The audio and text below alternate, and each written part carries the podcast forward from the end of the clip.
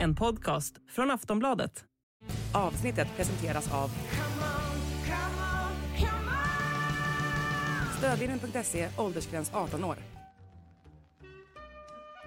In the supermarket, you have eggs class 1, class 2, class 3. And some are more expensive than others, and some give you better omelets. That's the wrong information. Wrong, wrong, wrong information. I didn't say that. That's the wrong information. Do you think I'm an idiot? Wrong, wrong, wrong information. Now look at me when I talk to you. Your job is to tell the truth. That's the wrong information. Sillypodden, det är eh, årets fattigaste dag, var det någon som eh, informerade mig om. Det är alltså dagen före det kommer in, det är väl studiebidrag och lite barnbidrag och sådana saker då imorgon. Så det här är liksom januari fattigaste månaden på året, den 19 den fattigaste dagen på Ja månaden. just det, för 20 25 är ju också den 25 bit är ju bort. löning, och, ja. och så finns det andra som får pengar på andra vis, alltså imorgon. Ja, precis. Så att den 19 då. Och det är ju lämpligt då när vi ska prata eh, silly season och Atletico Madrid.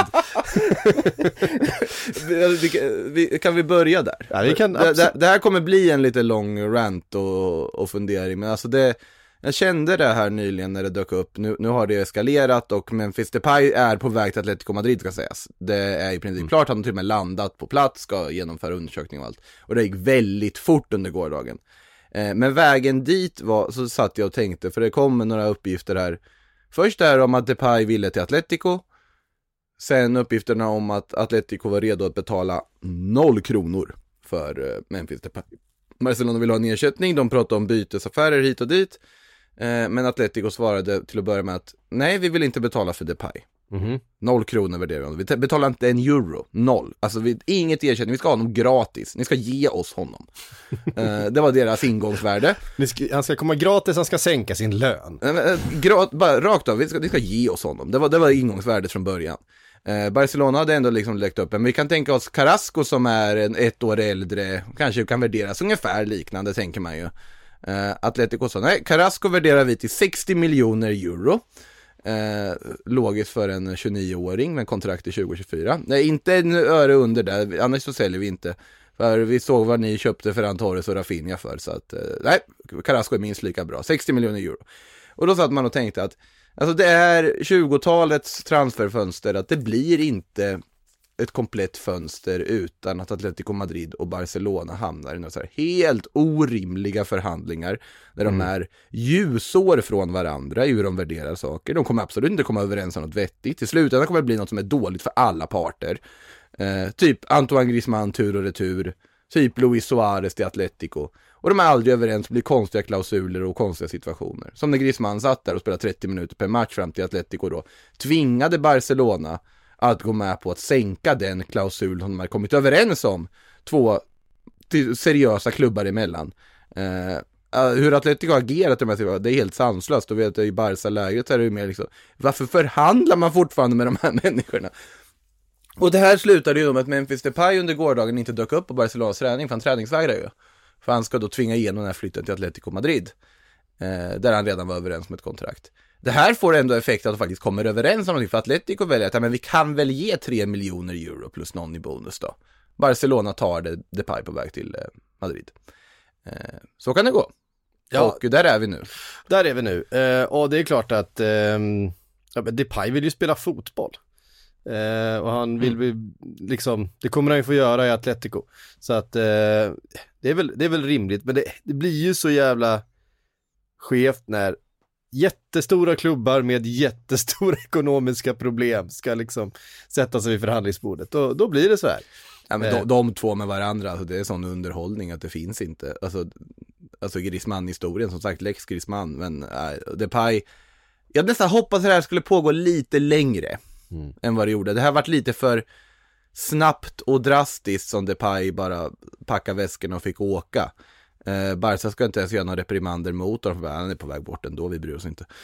Låt honom träningsvägra om han vill.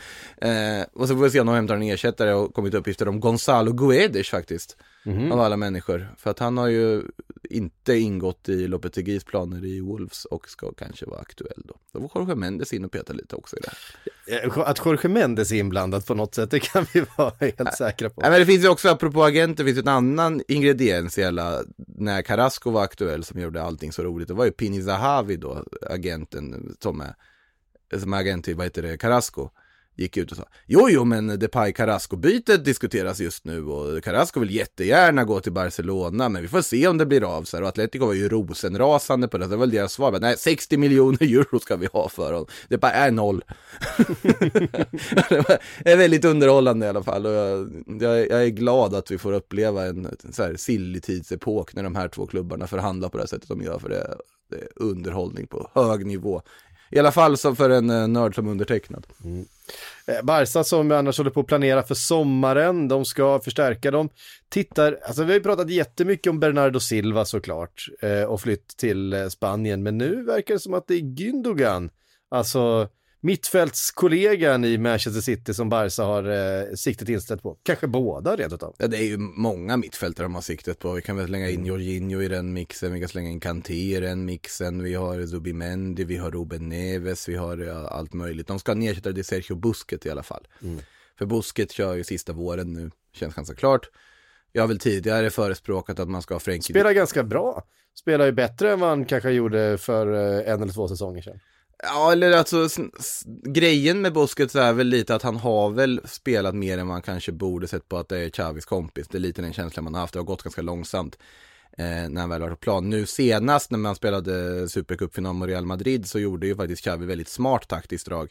När han spelade Busquets eh, tillsammans med Frenkie de Jong, Gavi, Pedri. Offrade en ytter och valde att spela Gavi som någon sorts falsk winger. Och det var ju väldigt lyckat, för Busquets fick lite mer tid med bollen, han har väldigt mycket lekkamrater och han gjorde en av sina bästa matcher jag har sett honom göra på väldigt länge när han bara styrde och ställde på det här mittfältet. Eh, jag tycker Frenkie de Jong egentligen är arvtagaren. Jag tycker att man borde hålla i honom och jag tycker han har visat att Frenkie, eh, Pedri, Gavi kan vara ett ganska bra mittfält. Ja. Eh, men de vill ha någon mer som ska vara en ersättare. Gündogan är ju en spännande spelare men det finns lite känsla att skulle inte han mest bli någon sorts utfyllnad i Barcelona-tröja. Det är The Telegraph som har rapporterat att han i alla fall är aktuell. De tittar ju just på fri transfervärvningar av enkla anledningar att de inte har pengar. Eh, och det är deras nya melodi att värva fri transferspelare som du kanske till och med kan casha in på, som ändå har kommit upp i åren något. Samtidigt som du kryddar med unga spännande spelare som du också är redo att betala för om det går. Så att vi får, de, de har någon sorts tanke i alla fall med det de håller på med, de har en skicklig sportchef och så vidare. Eh, jag vet inte om Gündogan är rätt spelare, det ska jag väl ärligt talat säga, men jag skulle inte förvåna mig om det här blir av. Nej, eh, nej eh, absolut. Jag tror att eh, Manchester City också tittar på att uppdatera sitt eh, centrala mittfält lite grann. Det är har ju sett ungefär likadant ut de här senaste tre säsongerna i alla fall. Eh, behöver nog hända någonting där. Um, pratas ju om Bellingham. Eh, Och bland Declan annat Rice. till, till eh, City. Declan Rice. Jag kan- En sån som Enzo Fernandes, om han fortsätter och, och ehm, göra det han gör i, i Portugal så kommer det säkert vara en alltså, det är ju bara att åka till Portugal och hämta spelare, det gör ju alla, alla brittiska, eller engelska klubbar just nu, de bara eh, åker till Portugal och hämtar. Alltså att engelsmän åker till Portugal är sig inget nytt. Nej, det, det, det, är, det är ingen Algarvekusten, där, där är hänger sant. de. Men det är Ja. lite andra anledningar man åker till eh, Lissabon för att, då hämtar man saker istället för. Eh, Bayern München däremot, de hämtar ju inte någon annanstans än från Bundesliga-konkurrenter. Eh, och nu är det Jan Sommer som vi har pratat om ganska länge. Eh, Gladbach har ju inte varit speciellt sugna på att släppa honom till, till Bayern München, men nu är det så att tysk fotboll fungerar så. Att om Bayern München nu nedlåter sig att eh, ta sig ner till förhandlingsbordet med en Bundesliga-kollega, då är det bara att göra som man blir tillsagd. Mm. Vi ska se om jag kan alla turer i huvudet. Om, om jag, ni får rätta mig och titta på vår trevliga tyska kollega Kevin Baders eh, Twitter där han listade hela det här pokerspelet mellan Gladbach och Bayern München som pågått. Man brukar ju kalla silly, riktiga alltså, utdragna silly-grejer och förhandlingar för poker i Tyskland. Silly-poker liksom. Eh, förhandlingspoker eller kontraktspoker och allt vad de kallar det. Men i alla fall. Eh, Bayern vill ha Sommer. Gladbach säger nej. Vi vill ha 8 miljoner euro. Bayern München höjer sitt bud lite. Gladbach säger nej, vi måste ha en ersättare först. Eh, och det ska vara rätt värde. Och de, de har då identifierat Jonas Omlin, eller Omlan, i eh, Montpellier. Eh, som också vill gärna flytta till Tyskland, ser det här som en kanonmöjlighet för honom. Eh, de, de, det är klart att han, han vill dit och allting. Eh, och eh, sen då så Bayern lägger ännu ett bud som inte passar. De inser, nej men det här kommer inte gå. De säger till Montpellier att nej men vi drar oss ur med förhandlingarna med Omland liksom nu. Det blir inget av det. Då kommer Bayern med nästa bud. Och de säger, men nej, nu går det inte för nu har vi ju redan sagt nej till Montpellier. Sen kommer Bayern med ännu, alltså det, det är många turer. Och allting har väl renderat i att nu verkar faktiskt Jan Sommer hamna i Bayern München och slutsumman blir 8 plus, vad var det? 1,5 miljoner euro istället för 8 plus 1 som var det första budet på något sätt. Mm. Eh, så att det verkar som att Jan Sommer faktiskt hamnar i Bayern München och det tycker jag är en av... Han är där just nu och gör en läkarundersökning så... Det, det är en av vinterfönstrets hittills absolut smartaste och bästa värvningar.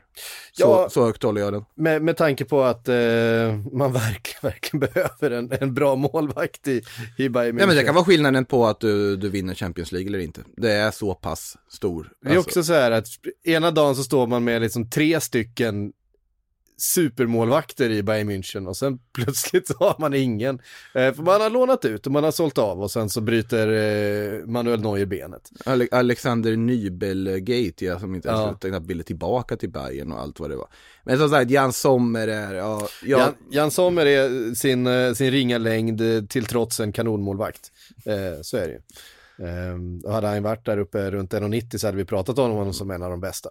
det, det är en bra affär av Gladbach också tycker jag, som ändå köper loss en eh, duktig annan keeper här nu om län. Eh, Sommer hade ju ett avtal som går ut om sex månader. Och att få så mycket pengar då för en 34-åring, det är bra business. Verkligen. Absolut, för Bayern till det är ett litet överpris sett i kontraktslängden, men jag tycker Jan Sommer är så pass bra att det befogar det. Ja, Nej, men det är ju också sådär, beggars can't be choosers på något sätt. Alltså de, de, de behövde ju verkligen den här målvakten. Det, det är, vi skojar om att eh, det är liksom Bayern München gör vad de vill i, i Bundesliga och så vidare. Men nu, nu satt de ju faktiskt, satt ju faktiskt Gladbach i en väldigt bra förhandlingsposition här med tanke på eh, Bayern Münchens uppenbara behov och att det inte finns liksom, tillräckligt bra målvakter tillgängliga, kanske någon annanstans.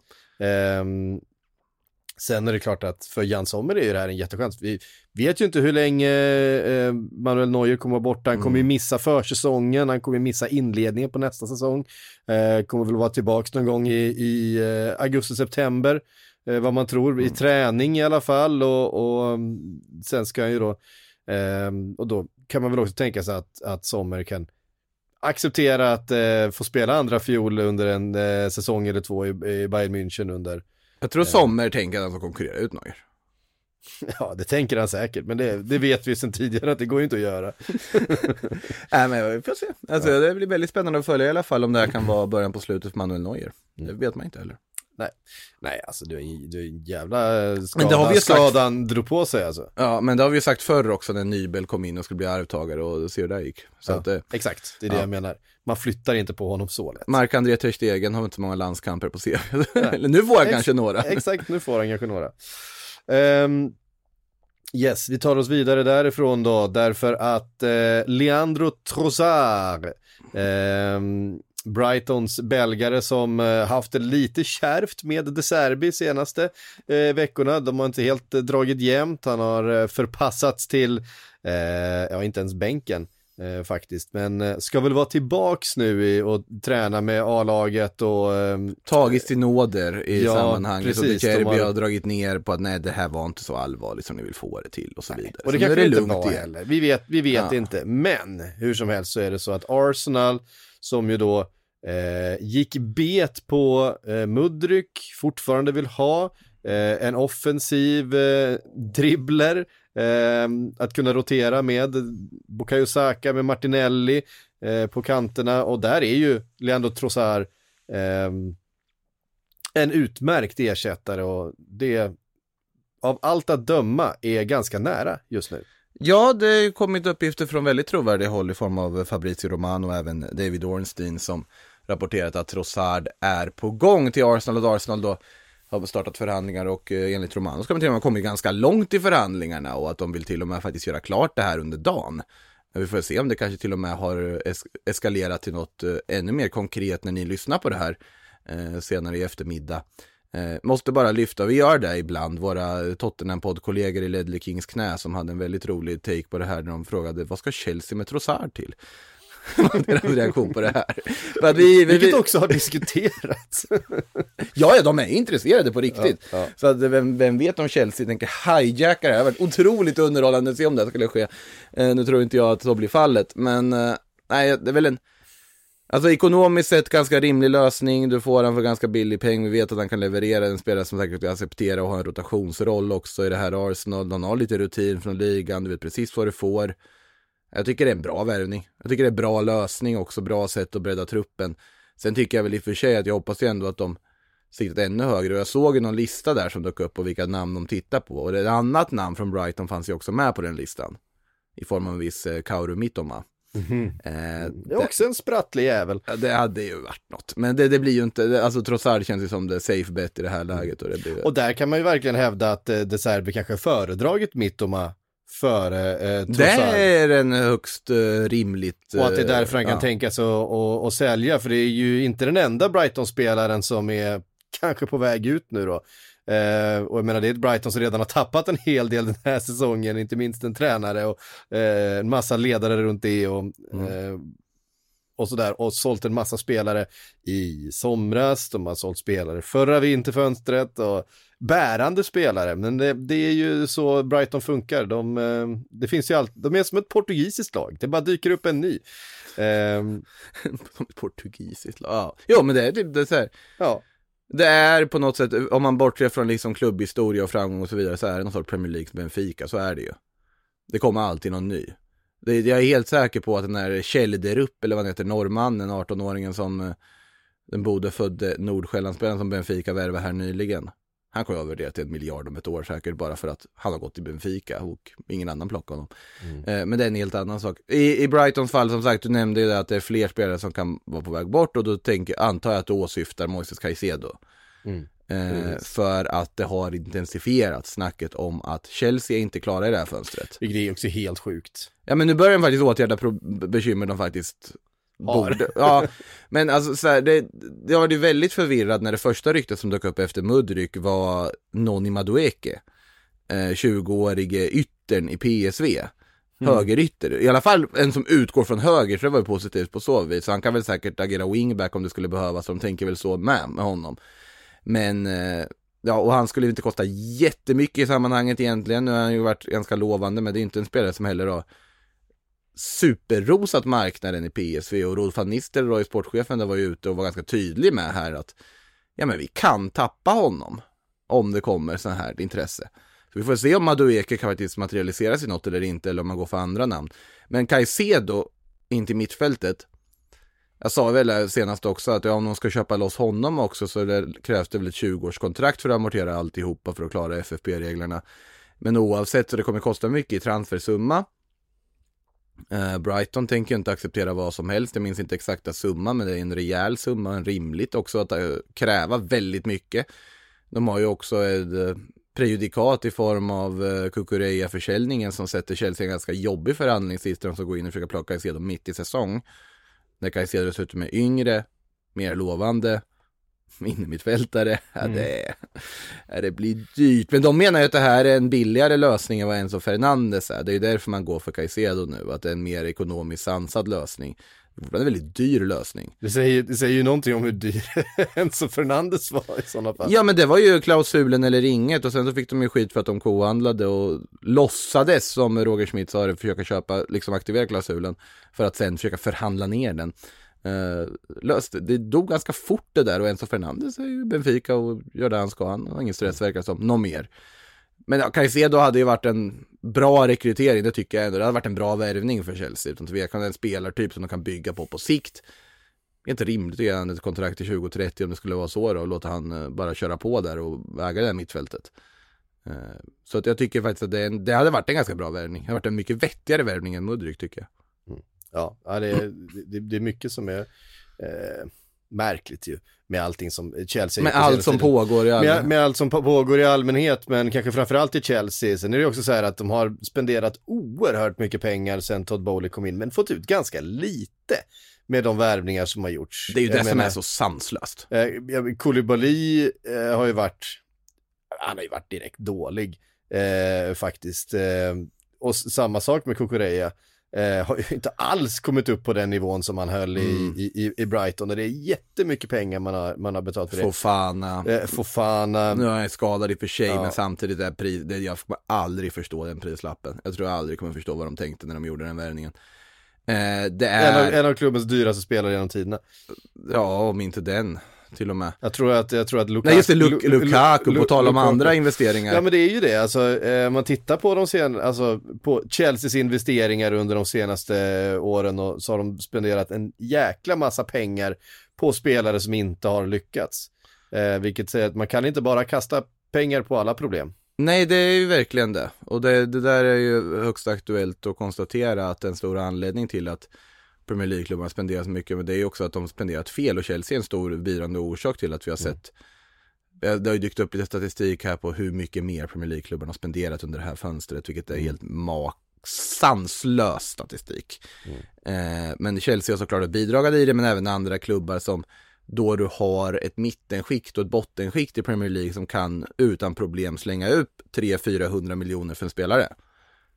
Det kan, det finns en klubb i resten av Europa som kan göra det. Ju Paris Saint-Germain såklart. Mm. Bayern München såklart. Ja. Real Madrid. Ja. Barcelona när de har aktiverat någon eh, mer eh, palanka där, kanske. Men annars är det, det är väldigt få som kan göra det. Inter kan inte göra det. Milan, tvek. Juventus, på något vänster kanske. Men det är väldigt få som kan betala de här stora summorna och om du tittar på ekonomisk köpkraft så har ju samtliga 20 Premier League-klubbar större möjligheter att agera på marknaden än vad typ Inter och Milan har och det är rent ut sagt tragiskt tycker jag. Ja, vi fick en fråga här från Anton Forslund också. Visst att dragplåstret Premier League är otroligt, men börjar det inte bli lite deppigt när otroliga spelare ute i Europa eh, och även i andra världsdelar ryktas till lag som sladdar längst ner i Premier League-tabellen ist- tabellen istället för större lag i andra ligor? Och ja, det, om man inte är direkt supporter utav de här lagen då så är det klart att det är eh, Eh, sorgligt och det, det går ju verkligen ut över den europeiska fotbollen. Här snacket om Super League, ehm, vi ser ju det hända i Premier League just nu. Det håller ju på att bli ett Super League. Det håller ju på att bli den ligan som, eh, ja, alla kommer vara i till slut. Och vet ni vad? Då, och nu kommer jag säkert bli lynchad, men jag tycker utan tvekan att det är en bättre lösning då att få den här superligan som alla är emot. Jag tycker nu inte. Hell, hellre ha en superliga, om det nu är välja mellan pest eller kolera, då tycker jag välj, välj den superliga som åtminstone inkluderar flera länder än ett. Mm. Eh, för att jag tycker att med tanke på fotbollens historia och allting som funnits i Europa, klubbar som Milan, Inter, Real Madrid, Barcelona eh, och så vidare. Det betyder någonting att de är med och slåss. Det betyder någonting att ha en europeisk konkurrenssituation och det betyder någonting att, att det finns en mångfald på så vis. Eh, och jag tycker det är rent ut sagt sorgligt om Premier League springer iväg på det sättet de verkar göra just nu. Eh, sen såklart att absolut, det underlättar för dem att alla har stenrika ägare, de har det här tv-avtalet som varit väldigt mycket mer jämnt fördelat än vad de, fallet har varit till exempel Spanien tidigare. Eh, det finns många olika parametrar som gjort att vi har hamnat här. Men samtidigt eh, extrema skillnader. Och ja, man kan peka på förr i tiden, men förr var det italienska klubbarna de enda som spenderade, förr var de spanska de enda som spenderade. Absolut. Men eh, det är andra summor vi pratar om nu och det springer det är större iväg skillnader. på ett Det annat sätt Det är idag. större skillnader än, än vad det var på den tiden också. Ja. Rent procentuellt, även om såklart allas pengar har blivit mycket större. Eh, och att vissa utav de här pengarna också då hamnar i andra delar genom att det, det köps för överpriser från eh, Portugal och Spanien och Italien och så vidare. Men eh, ja, det, är- det är sorgligt och det är också så här. Det är ju den här frågan vi ska prata om när vi, när vi ska diskutera vem det är som ska äga fotbollsklubbar eller vilken ägare man vill ha till sin, till sin klubb i förlängningen. Är det, är det en ägare som driver på den här eh, utvecklingen eller har, vill man ha en ägare? Det kan man inte bestämma vilken ägare eh, ens klubb har. Det är inte, det är, det är, det är inte, det är inte Newcastle-supportrarna som har bestämt vem som ska äga deras klubb. Eh, utan det var den förra ägaren som man hatade över allt annat som, som bestämde vem som skulle äga klubben i framtiden genom att sälja den till dem. Eh, Sen blir det väl en krock i här Super League-kontext också när du har klubbar som är ideella medlemsägda föreningar som Real Madrid och Barcelona är och förblir. Och eh, du ska konkurrera med klubbar som har jättestora investerare i ryggen, då kommer det ändå bli en skillnad. Och det finns en anledning till att det är Real Madrid, Barcelona och Juventus som är dra- bidrag, alltså dragande i Super League. Och det är för att de fattar att vi kommer inte kunna hålla upp det här så länge till. Eh, och alltså att Real Madrid fortfarande går runt och kan utmana om de absolut största spelarna, det är för att de, deras netspend är ju lägre än typ Sheffield United om man tittar på de senaste x antal åren. Jag vet inte exakt hur många år det var, men den är otroligt låg för att se på hur många stora värvförsäljningar har gjort samtidigt. Eh, och ändå kunna vara med och tampas i toppen. Det där är, Florentino Perez är ju tillräckligt slipat för att veta att det här är ohållbart på sikt.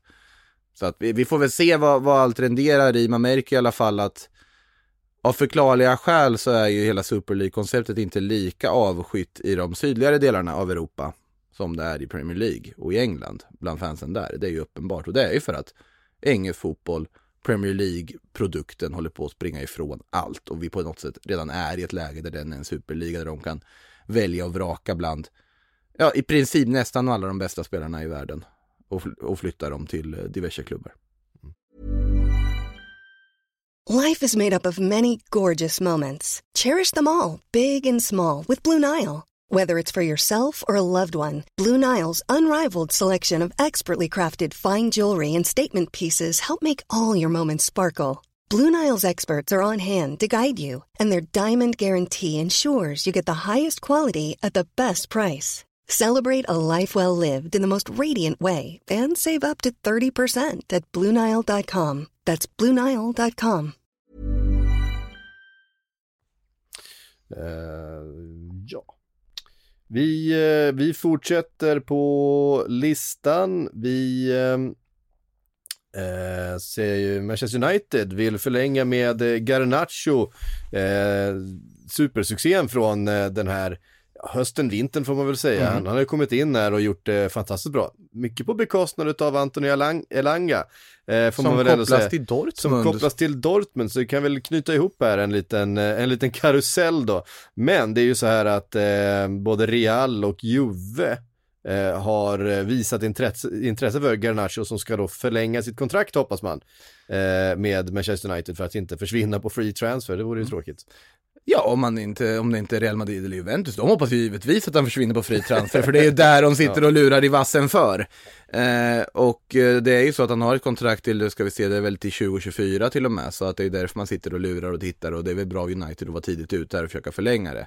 Eh, jag har svårt att se att Garnacho skulle, alltså kasta United under bussen och bara dra, men i och för sig om Real Madrid säger att du, vi, vi plockar in dig, det är inte helt otänkbart att han känner att, ja men det här låter kul och drar. Jag tror inte det är bra för hans utveckling, men det är inte otänkbart. Eh, Så vi får väl se vad det där renderar i, men det är väl smart av United i alla fall att starta de där förhandlingarna ganska tidigt här. Ja, alltså han är ju 18 år gammal och har visat så mycket redan, det är ju... Han har också ganska stort huvud för att vara 18 år gammal och det är väl det som gör att man inte helt ser det uteslutet. Han kräver en hutlös lön och sen väljer att dra istället. Eh, vart kom han ifrån egentligen? Han kom alltså från... Eh, ehm, Tänker du hans karriär? ja, som precis. Vart han, vart han eh, värvades in ifrån. Ja, skitsamma. Han tillhörde ju eh, Manchester United i alla fall, i några, alltså ungdomslaget där i några år innan. Ehm, och Anthony Elanga då, som inte har fått så mycket förtroende och speltid under Ten Hag överhuvudtaget. Inte tagit chansen heller när han fått Nej, och när han har fått den så har han inte riktigt eh, varit där. Nu pratas det om eh, Dortmund och jag personligen skulle inte alls ha någonting emot att eh, se eh, Elanga förhoppningsvis då lyckas i Dortmund såklart. Eh, och om det finns någon klubb där ute som är bra på att ge en ung lovande spelare chansen, att ge en ung spelare en roll som eh, fungerar eh, och ge en ung lovande spelare en fantastisk karriär så är det ju eh, faktiskt Dortmund. Vi ska ju dock komma ihåg att det finns ju också exempel på unga lovande spelare som gått till Dortmund och konkurrerats ut av andra unga lovande spelare. Såklart. Alexander Isak Man till måste, exempel. man måste ju göra det också, givetvis. Man måste ju ta chansen när, när den väl kommer. Ja, men, men, men chansen är större i Dortmund än vad den är i Manchester United just nu, till exempel. Sen tycker jag. ändå att det är ett för lit, alltså det, det är för högt upp i klubbhierarkin ändå på ett sätt. Jag hade hellre velat se honom eh, få, alltså orubbligt förtroende i någon klubb där han faktiskt skulle gå in och göra skillnad. Jag är rädd för att han skulle bli utfyllnad i Dortmund. Och att det inte alls skulle bli, men det, det är ju bara ren magkänsla. Han kanske värderas ganska högt och skulle göra väldigt bra jobb. Men jag är lite orolig om man skulle göra den flytten. För jag, jag ser farhågan att det är för mycket annan ung offensiv konkurrens i den klubben. Eh, och att de har lite för många olika alternativ för att det ska, ska bli lyckat och ska bli så mycket speltid som man borde vara ute efter att få om man nu ska lämna på lån. Men vi får väl se vad allt eh, landar i. Det känns i alla fall lite roligare än Everton, om vi säger så. Ja, gud ja. Och Everton är så sorgligt just nu. Mm. Eh, nej, det, det ska man undvika. Och just den där flytten från Manchester United till Everton, den har inte varit så lyckad. Eh, om man ska vara riktigt ärlig. Eh, Eller gå till. West Ham då, det har ju varit en mer lyckad lösning om man tittar på. Ja, om Ja. nu West Ham, det beror väl på vem det är som rattar den där skutan framöver, därför att eh, David Moyes hänger ju löst, minst sagt, så, så är det ju. Eh, West Ham som ändå tittar på förstärkningar, Harry Maguire har det pratats om, det hade ju varit en, en underhållande flytt. Ehm, Som ersättare till Craig Dawson. bara det, bara det är ju, ja. Det, jag tycker inte det är dumt Den av den- West Ham. Jag tycker inte det är dumt av West Ham att försöka, alltså det, det är inte en helt dum värvning av dem om de skulle lösa den. Jag tror att han hade kunnat vara ganska bra för dem. Och ganska nyttig för dem. Och de behöver den där liksom, försvarsledaren där bak som jag tror han skulle kunna vara för West Ham. Eh, nu verkar ju Maguire inte vara aktuell att flytta, ska sägas också, för det verkar som att United inte är intresserade av att släppa honom. Tycker också lite synd om så här, Lindelöf, Maguire, båda sitter där. Nu har Luke Shaw blivit eh, Maldini istället från ingenstans och ska börja spela mittback och hålla på. Och gör det ju Eh, fantastiskt bra. Ja, det är det jag menar. Och det väger, Shaw går ju före både Maguire och Lindelöf idag, som mittback. Eh, och det är ju oroväckande för Maguire och Lindelöf. För du har Lisandro Martinez som ett sparkapital som går före dem garanterat. Varann går före dem. Det är tre mittbackar som går före. Sen ska de konkurrera om en fjärde mittbacksplats. Börjar bli läge att kanske tänka för någon av deras skull att ja, men det kanske är bra att få en flytt. Och att United då kanske fokuserar på att ta in någon spelare som kan spela både vänster och mittback. Och vara ett komplement när Malaysia inte kan spela eller när Shaw inte kan spela. Att du tar in en spelare som typ nu slänger jag upp ett namn bara. Struik från Le- äh, Leeds United, kanske den flytten är väl lite sådär. Men alltså den typen av spelare som kan hantera båda rollerna. Eh, och ung och lovande på sikt. Nu, nu tror inte jag, vi kommer absolut inte få se en sån där rockad i det här fönstret. Men eh, lite orolig är man ju för eh, Victor Nilsson Lindelöfs speltid med tanke på Shaws eh, framfart. Och även för Harry Maguire, det råder ingen tvekan om den saken. Tänk att eh, Phil Jones är kvar i klubben också han, han, är- han är långt ner på listan. Ja, fast svårt att inte gilla Phil Jones ändå. Han har gjort sex framträdanden den här säsongen. Två i ligan, Du två, ser. två i Champions League, en i FA-cupen och en i, i ligacupen. Och han var en väldigt fint, fin avtackning i slutet av säsongen. Mm. Han har ju tillhört klubben i över tio år nu. Mm. Ehm, faktiskt, det ska också finnas intressen för Phil Jones eh, och han sägs väl vara eh, flyttbar. Eh, om man säger, det kommer inte bli så Vad är det, hem till Blackburn va? Eh, var det så rent utav? Eller det är väl ett eh, fint alternativ om så skulle bli fallet. Ja, absolut. Man, eh, man, eh, Jag får mig det var Blackburn. ja, det, det, det känns väl rimligt. Det känns väl rimligt. Jag tycker det har varit rimligt om... eh, En spelare som har spelat så lite, som är så skadebenägen som han dessutom är. Eh, men, men ändå med den rutinen. Eh, ja, men fram, och så hem till, till Blackburn, är, det har ju något. Eh, så, ja men det är väl den nivån man kan tänka sig att Phil Jones. Nu börjar vi prata om Phil Jones istället. Ja, Det, det hade gjort näsan glad tänkte jag precis säga för att dra en väldigt snäv referens till vår, våra kollegor här. Enda Blackburn-supporten jag känner. Ja. Eh, men West Ham vill också ha Danny Ings. Ja, de verkar ju typ ha gjort klart med Danny Ings. Ja. Eh, och det känns väl eh, superrimligt på ett sätt. Danny Ings som inte har fått så mycket speltid i Aston Villa. Eh, det, där har man ju andra alternativ och med, eh, med eh, ny tränare som vill ha lite mer djupledsspel kanske än vad, vad eh, Danny Ings erbjuder i det här skedet av Mm. karriären. Så eh, varför inte West Ham? Nej, för, för vad heter det, Villas del är det ju en väldigt bra försäljning för de får 15 miljoner pund för honom. Mm. Vilket jag tycker är väldigt bra.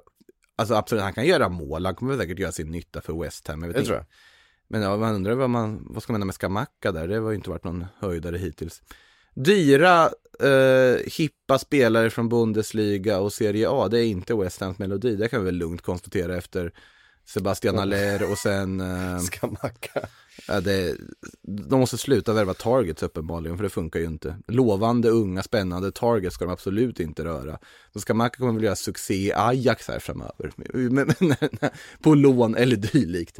Eh, Sebastian Allaire som ju var tillbaks. Ja, och gjorde på- hattrick det för, ja, Det jätte, första han gjorde var hattrick. Jättekul att se såklart att han är tillbaka efter sin cancer. Ja. Eh, som ju har, ja men berövat honom på så mycket såklart, men framförallt fotboll hela den här säsongen. Ja, det är så otroligt kul att se honom på en fotbollsplan igen. Eh, Ja. Så att det, och också faktiskt eh, en klubb där han uppskattas och hoppas att han får eh, möjlighet att spela även liksom tävlingsmatcher här nu för Dortmund under våren. Det hade varit väldigt fint att se. Men, Kanske tillsammans med eh, Elanga då. ja men eh, Ings i alla fall, jag vet ja, absolut West Ham, eh, det var ju faktiskt vi kan ju slänga in det också, nu, nu verkar inte det ha blivit någonting, men Chelsea ska ju ha hört det för om Michel Antonio. Nej, alltså på riktigt, de ska ha hört det för om Michel Antonio. Det vart inte så mycket av det då, men det hade man velat se. Ja, verkligen. Men alltså, man älskar ju Antonio för att han är en, en så unik fotbollsspelare. Ja, jag älskar Antonio också, men alltså, Chelsea. Nej.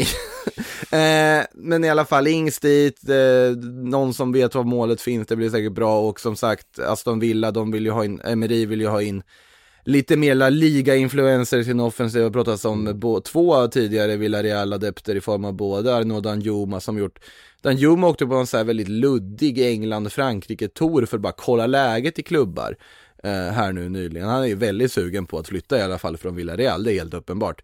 Eh, och Nicolas Jackson har det pratats om också, eh, som eh, värderas förvånansvärt högt ändå i eh, Premier League-sammanhang, för han har kopplat ganska mycket till Premier League-klubbarna här nu. Det är bara att casha in för Villarreal. Förstår inte varför det inte pratas om Jeremy Pino mer till exempel. Men eh, som sagt, någon av de där tror jag skulle kunna dyka upp till exempel. Absolut. Eh, på körschemat finns då det här också bara Skriniar-update. Eh, där får du fylla i. Ja, eh, och det finns egentligen inte så mycket update att göra, men det är värt att notera att en av Serie A's bästa backar fortfarande sitter på ett utgående kontrakt. Och fortfarande så fort man uttalar sig om det från interlägret så är det lugn nu, kontraktet går ut i sommar, vi har koll på läget, vi ska förhandla med honom. Eh, det här kommer bli jättebra det här. Eh, och det är ju en risk att man tappar en fruktansvärt bra fotbollsspelare, en otroligt viktig spelare för dem gratis. För PSG är ju där. De är, de är ju där och budar och de har skambudat och de har lagt höga bud och allt möjligt och de, de vill ha honom. Men Inter har sagt nej, nej, nej. Eh, Skriniar får förhandla med andra klubbar nu. Det verkar som att Skriniar ändå vill vara kvar och kan tänka sig vara kvar med kaptensbindel på arm och allt vad han betyder. De fick ju fira supercuptiteln här nu efter en eh, ja, fullkomlig överkörning av Milan under gårdagskvällen. Eh, så att eh, vi får se, det är väl den som är updaten. Det är lite mer framåtlutat i Milan samtidigt, i kontraktsläge i alla fall. Benazer har ju förlängt sen tidigare. Eh, Skavl har börjat närma sig varandra lite med Rafael-förhandlingarna eh, där också. Det hade ju varit viktigt för Milan. De behöver ju alla positiva nyheter de kan få just nu med tanke på den skrala ligaformen och framförallt med tanke på hur överkörda de blev i derbyt igår. Eh, Stefano Pioli börjar bli en lite pressad man, kan man väl lugnt konstatera. Eh, och eh, det finns saker att förbättra. Vi får se om de faktiskt hittar på någonting i vinterfönstret här eller inte. Mm. En eh, svensk update, vi har ju pratat en del Jeremejeff tidigare i eh, Allsvenska podden och i, här, även här i Sillypodden. Panathinaikos väl det senaste där också, tror jag. Ja, precis. Och det vi har pratat om det var ju eh, att eh, Hammarby hade visat intresse, han hade den här utköpsklausulen då. Eh, som var intressant. Sen har man ju vetat hela tiden att, att Jeremejeff själv har ju haft den här utköpsklausulen, har stannat kvar i BK Häcken och det han, det han har velat göra var ju att ge Europa-äventyret en chans till. Han är 29 år gammal nu, eh, har några säsonger kvar i kroppen. eh, är ju uppenbarligen i fin form, han vann ju skytteligan eh, och nu eh, blir det av allt att döma då Panathinaikos för, eh, för honom.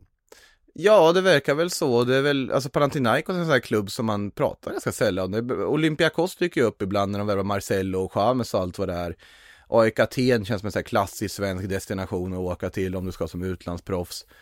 Inte så mycket snack om Panathinaikos sista, det är kanske bara jag som varit ouppmärksam, men uh, kul att de hamnar i, i ropet igen. Det är någon sån här klubb man tänker på när man tänker på Grekland. Mm. Eh, sen verkar det som att Panathinaikos inte kanske har någon plats för honom här och nu.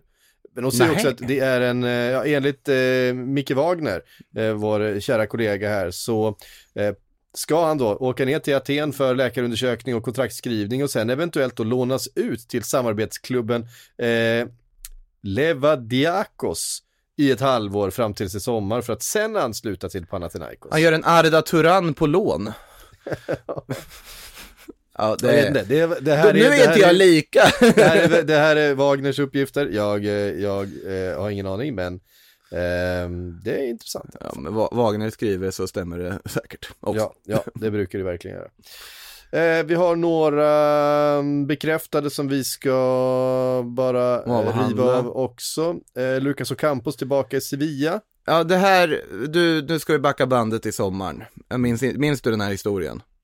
Nej, inte riktigt. Eh, det var ju en av de mest underhållande och röriga historierna under hela sommarfönstret. Att på kvällen då, eller dagen när nederländska fönstret hade deadline, för de hade ju det innan den stora deadline day, eh, så är Lucas Ocampos på väg till Nederländerna. För att skriva på för Ajax, eh, Ajax som precis har sålt en fidget spinner för en miljard till United. Och eh, då behöver en ersättare och då har man ganska fort då en eh, person i ledningen bestämt att vi ska ha Lucas och Campos, det här blir kanon. Och Campos taggad på flytten, Sevilla säger oh pengar och eh, bestämmer sig för att skicka honom och, eh, och så, så. Man gör klart med Adnan Janusaj i Sevilla som ersättare, snabb aktion där, de hade väl förberett allting bara och bara sätta igång och löser den. Eh, då, då när Ocampos är på väg till Nederländerna så ändrar sig Ajax. För då visar det sig att den högsta ledningen vi vill inte göra den här värvningen. Det här är inte okej. Okay. Så att de ändrar sig. Nej, det blir ingenting. Sevilla blir ju rosenrasande för att de har redan signat Janusaj. De har redan signat hans ersättare och de har inte plats för det här och det, det blir ju världens rabalder. Eh, Ajax kallas extremt oseriösa för hur de har agerat, det är liksom rörigt i Ajax-leden. Samtidigt som du har i den här perioden då, i den här tidpunkten på året så är ju också Edson Alvarez och Kudos träningsvägrar från vill till Premier League och det är bara rörigt allting. Eh, det slutar på något vänster med att Ocampos då till slut lånas till Ajax. De kom överens om det. Sevilla och Ajax relation var ju inte bra där i alla fall. Men han, han går på lån i slutändan. Och det är jättekonstigt alltihop. Och de löser det här i sista sekund. Och Camp har suttit på ett hotellrum där och funderat vad är det som pågår liksom. Lånet blir ett fullkomligt fiasko, för han spelar i, vad blir det, 114 matchminuter totalt uppdelat på sex matcher under hösten, lyckas inte alls slå sig in i det här Ajax, och nu är han tillbaka i Sevilla. Och i Sevilla så har vi ju Jorge Sampaoli som är tillbaka som tränare igen, och Sampaoli gillar Ocampos till skillnad från vad Lopetegui gjorde. Så att eh, vi får se om Ocampos kan bli lika bra som han var en gång i tiden i Sevilla. Det kan de behöva med tanke på att de just nu ligger på nedflyttningsplats i La Liga, vilket är ett fiasko som vi pratar allt för lite om, för det är ett av de största fiaskorna vi har i den europeiska toppfotbollen just nu, att vi har gjort en undermåligt usla, bedrövliga säsong som de har gjort hittills. Där har ni det. där hade vi den. Eh, vi har också, ehm, eh, ska vi se här, ehm, eh, ha, Hadzika Dunic till Mallorca officiellt. Hadji Kadunic har jag hört Had... att det uttalas. Eh, rätta mig om jag har fel. Eh, eller, eller rätta mig. Ja, det, eller i alla fall. Eh, oavsett Malmö FF mittback som det var tydligt mm. han inte kommer att fortsätta i MFF ganska tidigt. Mm. Eh, var ju på lån från Rostov. Lyckat lån måste man ändå säga. En väldigt skicklig, duktig mittback. Mm. Eh, synd för Sverige att han valde det bosniska landslaget, kan jag tycka. Ja. Med tanke på mittbackprisen. Han ska till La Liga i alla fall, för Mallorca plockar in honom mm. eh, som ersättare till Russo som har lämnat. Och jag tror inte att det är värvad för att starta matcher. Det ska jag ärligt talat säga. Jag tror att han är ett komplement i mittbackspositionen. Men samtidigt han går till en La Liga 10 såklart det här är en jättetrevlig flytt på alla sätt och vis för eh, Hadzi Kadunic. Ja, verkligen. Mm. Men bara, eh, visst han valde det bosniska landslaget, men eh, ändå en svensk ute i, i Europa och är, är en ja. av de stora, stora ligorna är ju, är ju jättespännande, Mm. såklart. Eh, hade vi något mer? Vi ska slänga in lite frågor innan... Eh, Kan, kan även notera att Nottingham jagar Keylor Navas. Just det, just det, som ersättare till Henderson. Ja, och då undrar man ju varför inte Milan där, men det är en annan sak. Eh, och det hade ju varit något om Keylor Navas hamnar i Nottingham Forest. och Forest som även jagar Chris Wood. Mm. För övrigt. Och det hoppas man ju händer. Ja, man vill ju se. Chris Wood i Forest. Ja, och det är klart att eh, med tanke på att, jag menar, nu är Isak tillbaks, nu är liksom eh, Mm. Newcastles anfallsuppsättning eh, mer komplett, plus att Newcastle kommer ju, alltså, Chris Wood ingår inte i Newcastles långsiktiga planer, så kan vi väl, så kan vi väl gissa oss Nej, till. Chris Wood-värvningen var en krislösning som var väldigt bra i stunden och dessutom då samtidigt som man värvade honom så skickade man ner Burnley. Eh, så att det, det fanns mycket tankar med den värvningen och man kan tycka vad man vill om det. Men Chris Wood ingår inte i de långsiktiga planerna och det är, ju- det är ju bara för namnet man vill att han ska gå till Forest, så är det ju. Men också spelstilen hade ju varit, de har inte riktigt den typen av anfallare. Det jag tror kan passa ganska bra för dem att få in. Nej, de, de, de, just, just en target forward har de ju inte, ja, vad heter han? eh, Brandon Johnson är väl inte riktigt den typen Ja, nej, direkt. nej, det är eh, verkligen så. och, så att jag tror att det kan vara ganska nyttig. Och Avoni verkar vara borta väldigt länge nu. Så där är en anfallare som de värvade för mycket pengar som inte får, eh, kommer att ha nytta av.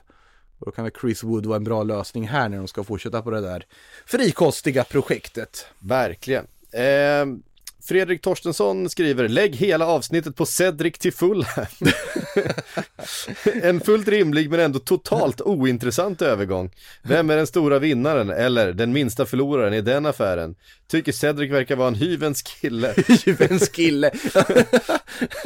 Eh, men den, den raljanta tonen handlar mest om hur osexigt och oglamoröst det känns. Så, ja, det gör det ju. Det är otroligt väntat. Ja, eh, Otroligt Någonstans ska han ju spela. Ja, det känns, han känns väldigt Fulham-kompatibel. Känns inte han väl lite såhär Olympiakos-kompatibel? Ja, också. Olympiakos på lån från Arsenal, det hade jag sett mer liksom. Men absolut, det är väl, den är väl nyttig, alltså. Ja. Eh, lägg hela avsnittet på Cedric på till full. Ja, kan man också göra. Ehm, vi, eh, vi har fått ifrån eh, Hans Sjölinder, skriver kommer Liverpool ta in någon, någon på mittfältet. Eh, vi har också eh, Robin, Robin K som eh, ofta skriver till oss med eh, vad vi tycker om FSG och Liverpool. Han är, han är väldigt trött på att, Liverpool, eller på att FSG inte finansierar något mittfältsköp.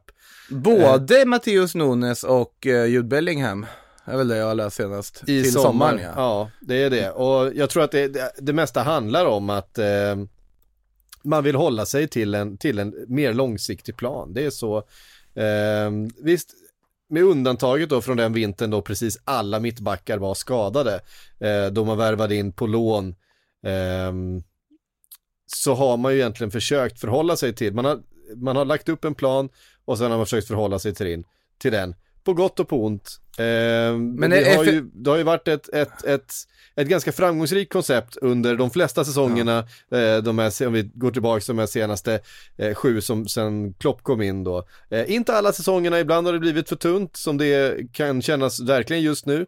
Eh, och som det var då den säsongen alla, alla mittbackar gick sönder. I, I övrigt så har man eh, varit ganska framgångsrika men man har inte lyckats för yngre och förnya det där mittfältet eh, på flera år här och det där har man nog planerat fel helt enkelt, det känner jag. Sen är man inte beredd att, att, att ändå avvika från den planen man har haft, även om man då hamnat i en mellansäsong här nu. Det är ju nästan som man tror att FSG faktiskt eh, tänker att, men, ja, men om vi får en låg placering får vi ett bättre draftpick.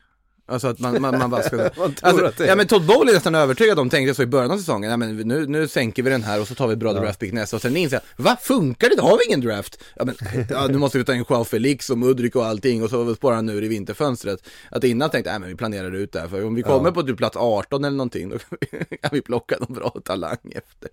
Nej, men eh, skämt åsido så, eh, det här säsongen är väl bara någon sorts mellan, Ja. mellanvariant för Liverpool. Sen är ju frågan hur mycket kostar det att inte ha Champions League.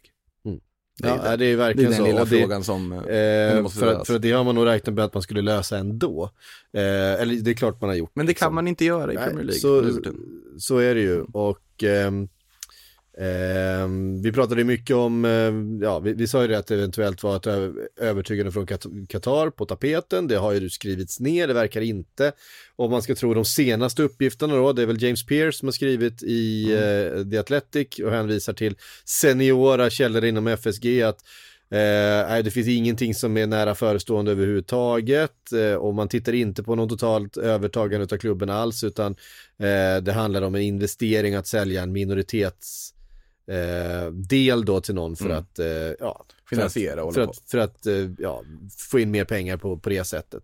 Eh, men att man själva Mm. vill sitta kvar som, eh, som huvudägare utav föreningen. Vi får se vad som händer. På tal om något som är lite mer framskjutet så verkar ju Sir Jim Ratcliffe till slut vara på gång Mm. att kanske värva. Han har ju rykt, ryktats köpa varje klubb som varit i salu känns det ju som. Ja, men det känns ju mest rimligt med Manchester United eftersom man själv då är uttalad Manchester United-supporter sen, sen en herrans Och, och det massa är väl en ganska, alltså utifrån eh, det som finns att välja på på något sätt så är väl inte det en helt dum lösning för United om det skulle bli så. Nej, Är väl känslan i alla fall. nej, verkligen. Men, Man hade passat ganska bra. ja, absolut. Nej, men det, det tror jag nog att många Manchester United-supportrar hoppas på.